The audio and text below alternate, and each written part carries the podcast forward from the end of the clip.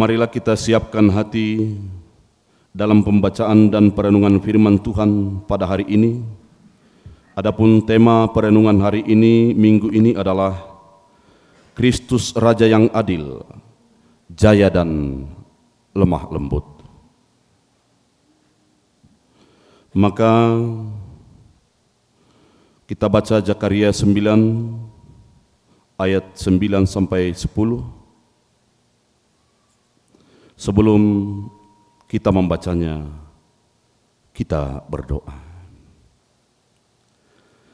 Ya Yesus firman yang hidup, berilah kami hikmatmu, serta penuhilah kami dengan kuasa rohmu, melalui pembacaan dan perenungan, agar kami mengerti benar dan dapat melakukan firmanmu dalam kehidupan kami. Berfirmanlah Tuhan, karena kami sudah siap mendengarkan sabda firman-Mu. Amin. Firman Tuhan dari Zakaria 9 ayat 9 sampai 10. Bersorak-soraklah dengan nyaring hai putri Sion. Bersorak-soraklah hai putri Yerusalem. Lihatlah rajamu datang kepadamu, ia adil dan jaya, ia lemah lembut dan menunggang seekor keledai. Seekor keledai yang muda, anak keledai betina. Aku akan melenyapkan kereta dari Efraim dan kuda dari Yerusalem. Busur perang akan dilenyapkan.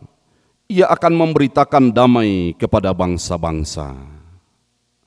Sampai di sini pembacaan firman, pembacaan Alkitab.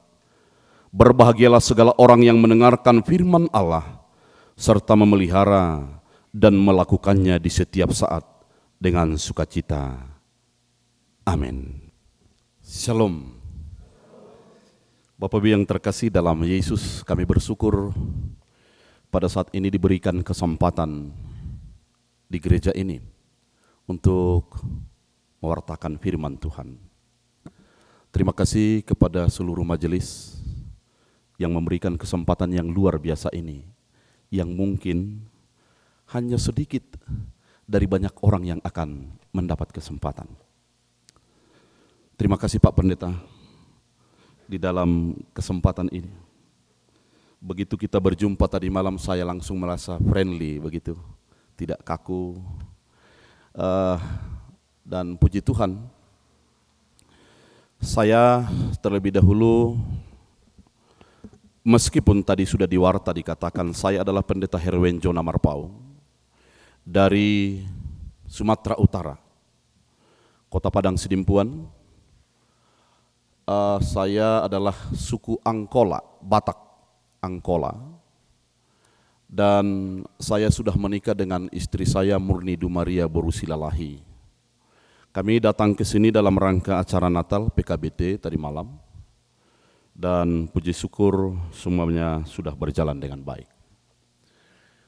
Bapak Ibu yang terkasih dalam Kristus Yesus, tema firman Tuhan pada saat ini adalah Kristus Raja yang adil, jaya dan lemah lembut. Kristus Raja yang adil, jaya dan lemah lembut. Untuk memahami Yesus sebagai Raja yang adil itu, yang jaya dan lemah lembut itu, Zakaria mengajak kita untuk mengatakan bersorak-sorailah, hai putri Sion.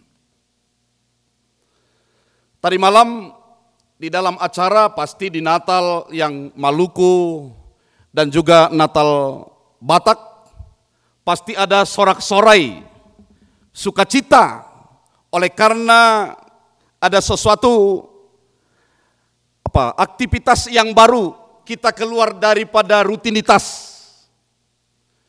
Kalau saya perhatikan bagaimana sorak-sorai itu, saya langsung terpikir, waduh, betapa bahagianya ketika keluar daripada rutinitas, masuk ke dalam suasana yang cair dan membahagiakan. Sorak-sorai sesungguhnya ketika kita sadar bahwa ada sesuatu yang baru yang membahagiakan bagi hidup kita terjadi bagi kita. Tapi seberapa lamakah sorak-sorai itu bisa berlangsung? Itu tergantung kepada dasar pengenalan iman. Bapak Ibu yang terkasih, coba kita remind, kita ingat kembali. Bagaimana bahagianya ketika baru-baru diterima menjadi bekerja di Freeport. Bagaimana bahagianya Bapak Ibu? Saya saya saja khotbah ketika baru diajak untuk khotbah di Natal PKBT. Wah, luar biasa. Saya nggak bisa berkata-kata apa-apa. Tapi persoalannya, seberapa lama sukacita itu bisa bertahan? Itu yang menjadi persoalan. Seberapa lamakah sukacita bisa bertahan di dalam hidup kita? Bukankah ketika baru diterima langsung terpikir bagaimana jalan ke sana, apa yang harus dilakukan, bagaimana komunikasi dengan keluarga, bagaimana ini dan begitu. Sehingga sukacita yang besar itu tertutupi oleh pergumulan yang besar. Demikian yang dialami oleh orang Israel ketika dikeluarkan dari pembuangan Babel. Kemudian setelah mereka dikeluarkan oleh raja orang Babylon, eh, orang Palestina. Mereka menjadi merasa sukacita. Namun dihadapkan kembali kepada beban hidup untuk membangun bait Allah. Mereka kembali terbeban, sukacitanya menjadi surut. Karena persoalan dilihat lebih besar daripada kebahagiaan. Bapak Ibu yang terkasih. Ketika kita menghadapi sukacita, maka sebagaimana yang dikatakan oleh Zakaria ini, jelaslah alasannya mengapa bersukacita. Jelaslah sukacita, mengapa menjadi bersukacita. Dikatakan karena rajamu datang. Saya bisa bayangkan Bapak Ibu, ketika pejabat datang ke Freeport ini, bagaimana persiapannya luar biasa. Luar biasa. Pasti detail. Kemudian persiapan itu dilakukan apa? Untuk menyongsong. Demikian sebenarnya ketika kita pada Advent 2 ini, Ketika kita mau menjadi bersuka cita yang lama, song-songlah raja itu. Siapakah raja itu? Dikatakan adalah rajamu datang, ia adil. Betapa bahagianya bawahan apabila atasannya adalah atasan yang adil. Betapa bahagianya anak-anak apabila bapak dan ibunya adalah orang tua yang adil. Betapa bahagianya kita memiliki Tuhan Yesus adalah yang adil. Karena apa adil? Dia tidak memperhitungkan latar belakang kita, namun dia memperhitungkan kebenaran, anugerah kasih setianya.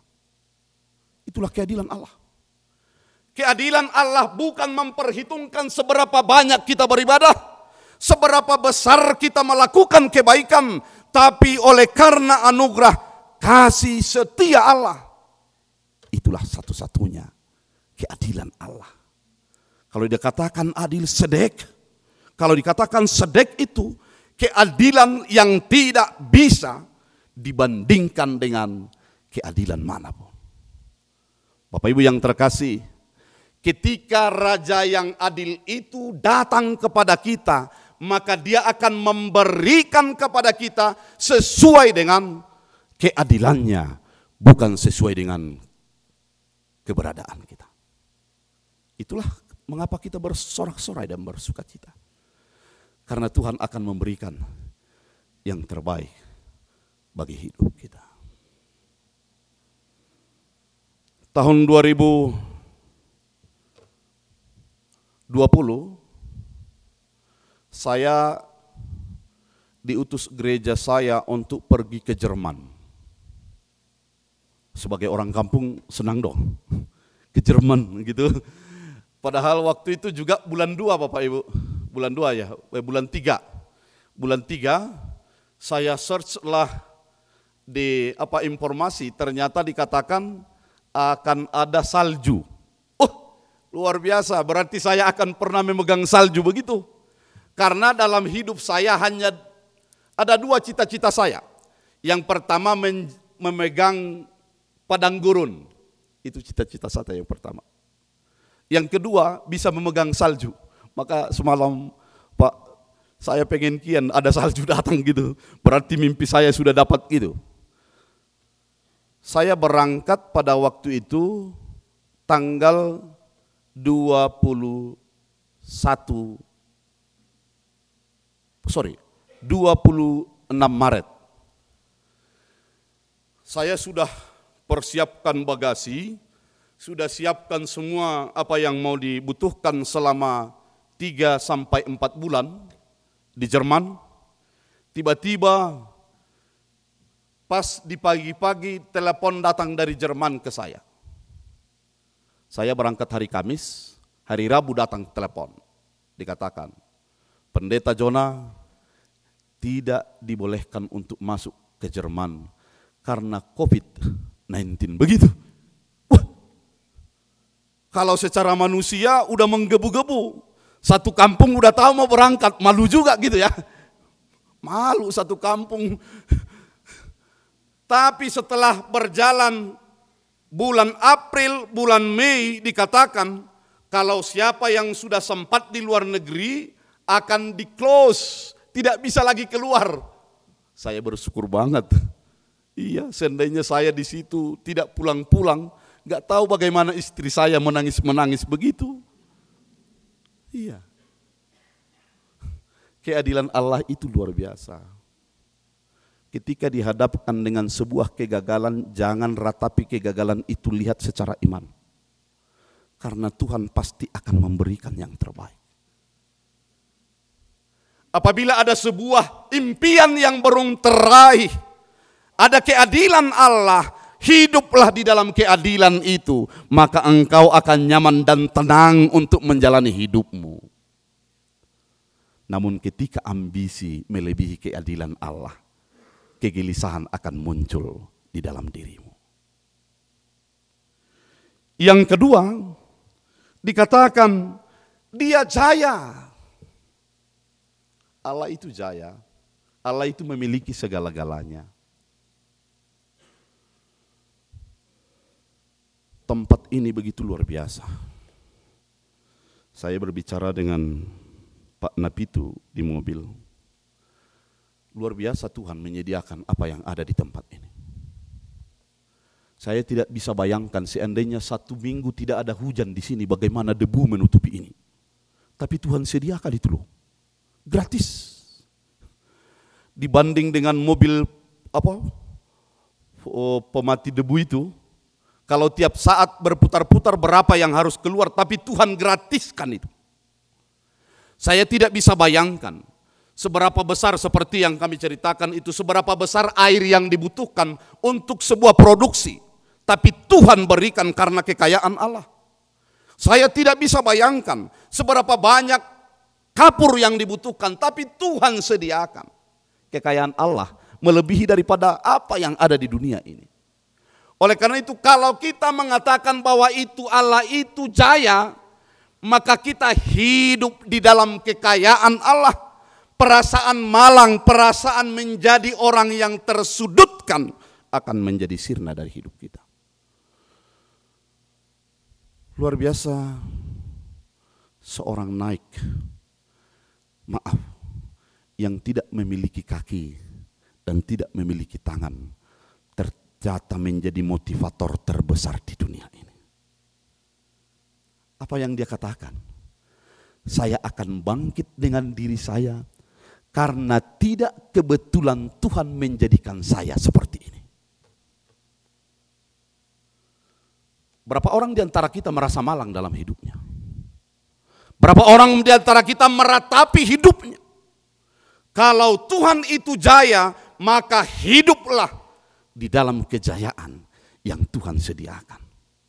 Hentikan meratap, jadikan hidupmu dengan sebuah optimis yang kuat.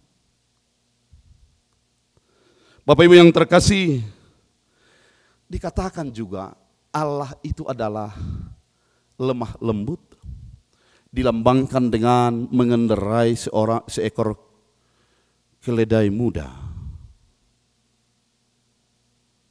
Biasanya kalau keledai dianggap orang adalah binatang yang lemah, namun ternyata kekuatannya di padang gurun luar biasa.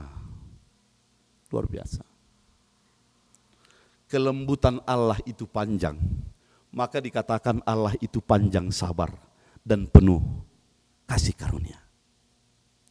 Sabar banget. Allah itu sabar banget. Saya membuat sebuah ilustrasi begini. Enggak tahu kalau di Maluku uh, juga ada banyak pohon kelapa di pinggir pantai banyak Pak di Manado banyak pohon kelapa. Ada seorang ketika mau ngambil kalau di kami tuak namanya apa di sini namanya? Apa Pak? Saguel. Iya. Mau ngambil saguel. Tiba-tiba datang angin yang sangat kencang dia memegang kelapa ini sambil berdoa, "Ya Tuhan, tolong saya." Begitu kan. Makin kencang anginnya berputar. Dia mengatakan, "Tuhan, kalau saya sehat, saya akan berikan kerbauku yang terbesar." Maka pelanlah angin itu. Turun dia sedikit. Dia mengingat dengan kerbaunya itu dan dia mengatakan, "Aduh, Sayang banget, kenapa harus saya katakan kerbau begitu? Teringatlah dia dengan kambingnya yang besar, karena ini masih agak di atas. Ya Tuhan, kalau saya selamat, saya akan memberikan kambing saya yang terbesar. Kencang lagi anginnya. Suap. Dia pegang. Tuhan, ah, kambing yang jenggot yang panjang saya akan berikan. Dia turun. Rupanya tinggal sekitar dua meter lagi. Dia teringat, aduh sayang banget kambingnya, saya gantilah menjadi ayam. Begitu. Jadi ayam. Setelah kira-kira satu meter, tidak ada lagi bahaya. Disengaja dijatuhkannya dirinya. Dia mengatakan, Tuhan, semua janji saya tidak jadi karena saya jatuh. Begitu. Tapi Allah tidak membuat dia lagi naik ke atas tapi Tuhan menjadi begitu kasih kepada dia, memberikan kesempatan untuk pertobatannya. Bapak Ibu, dalam kehidupan kita juga sering begitu ya. Sering. Buat janji ini kepada Tuhan, janji itu kepada Tuhan, janji ini, tapi tidak pernah bahkan terlupakan. Kita sendiri juga lupa untuk yang berjanji kepada Tuhan. Tapi Tuhan penuh dengan kasih setia dan lemah lembut tersebut. Ada nyanyian kidung jemaat begini.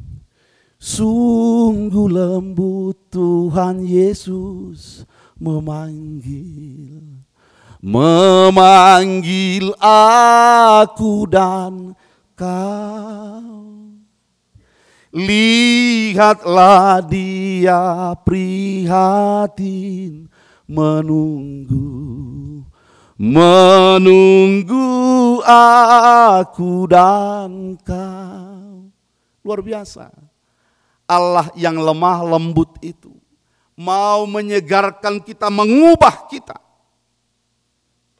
Oleh karena itu firman kali ini yang dikatakan bersorak-sorailah karena Tuhan yang akan lahir di hatimu itu adalah Tuhan Raja yang adil jaya, lemah lembut.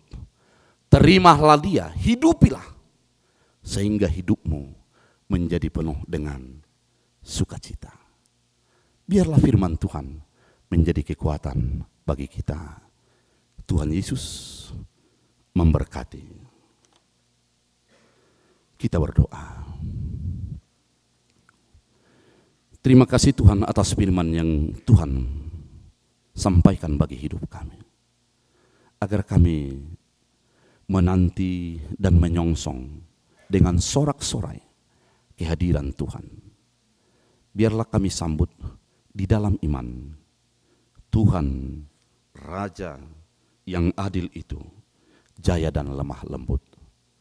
Biarlah kami juga hidup di dalam kesadaran bahwa Tuhanlah yang memimpin kami.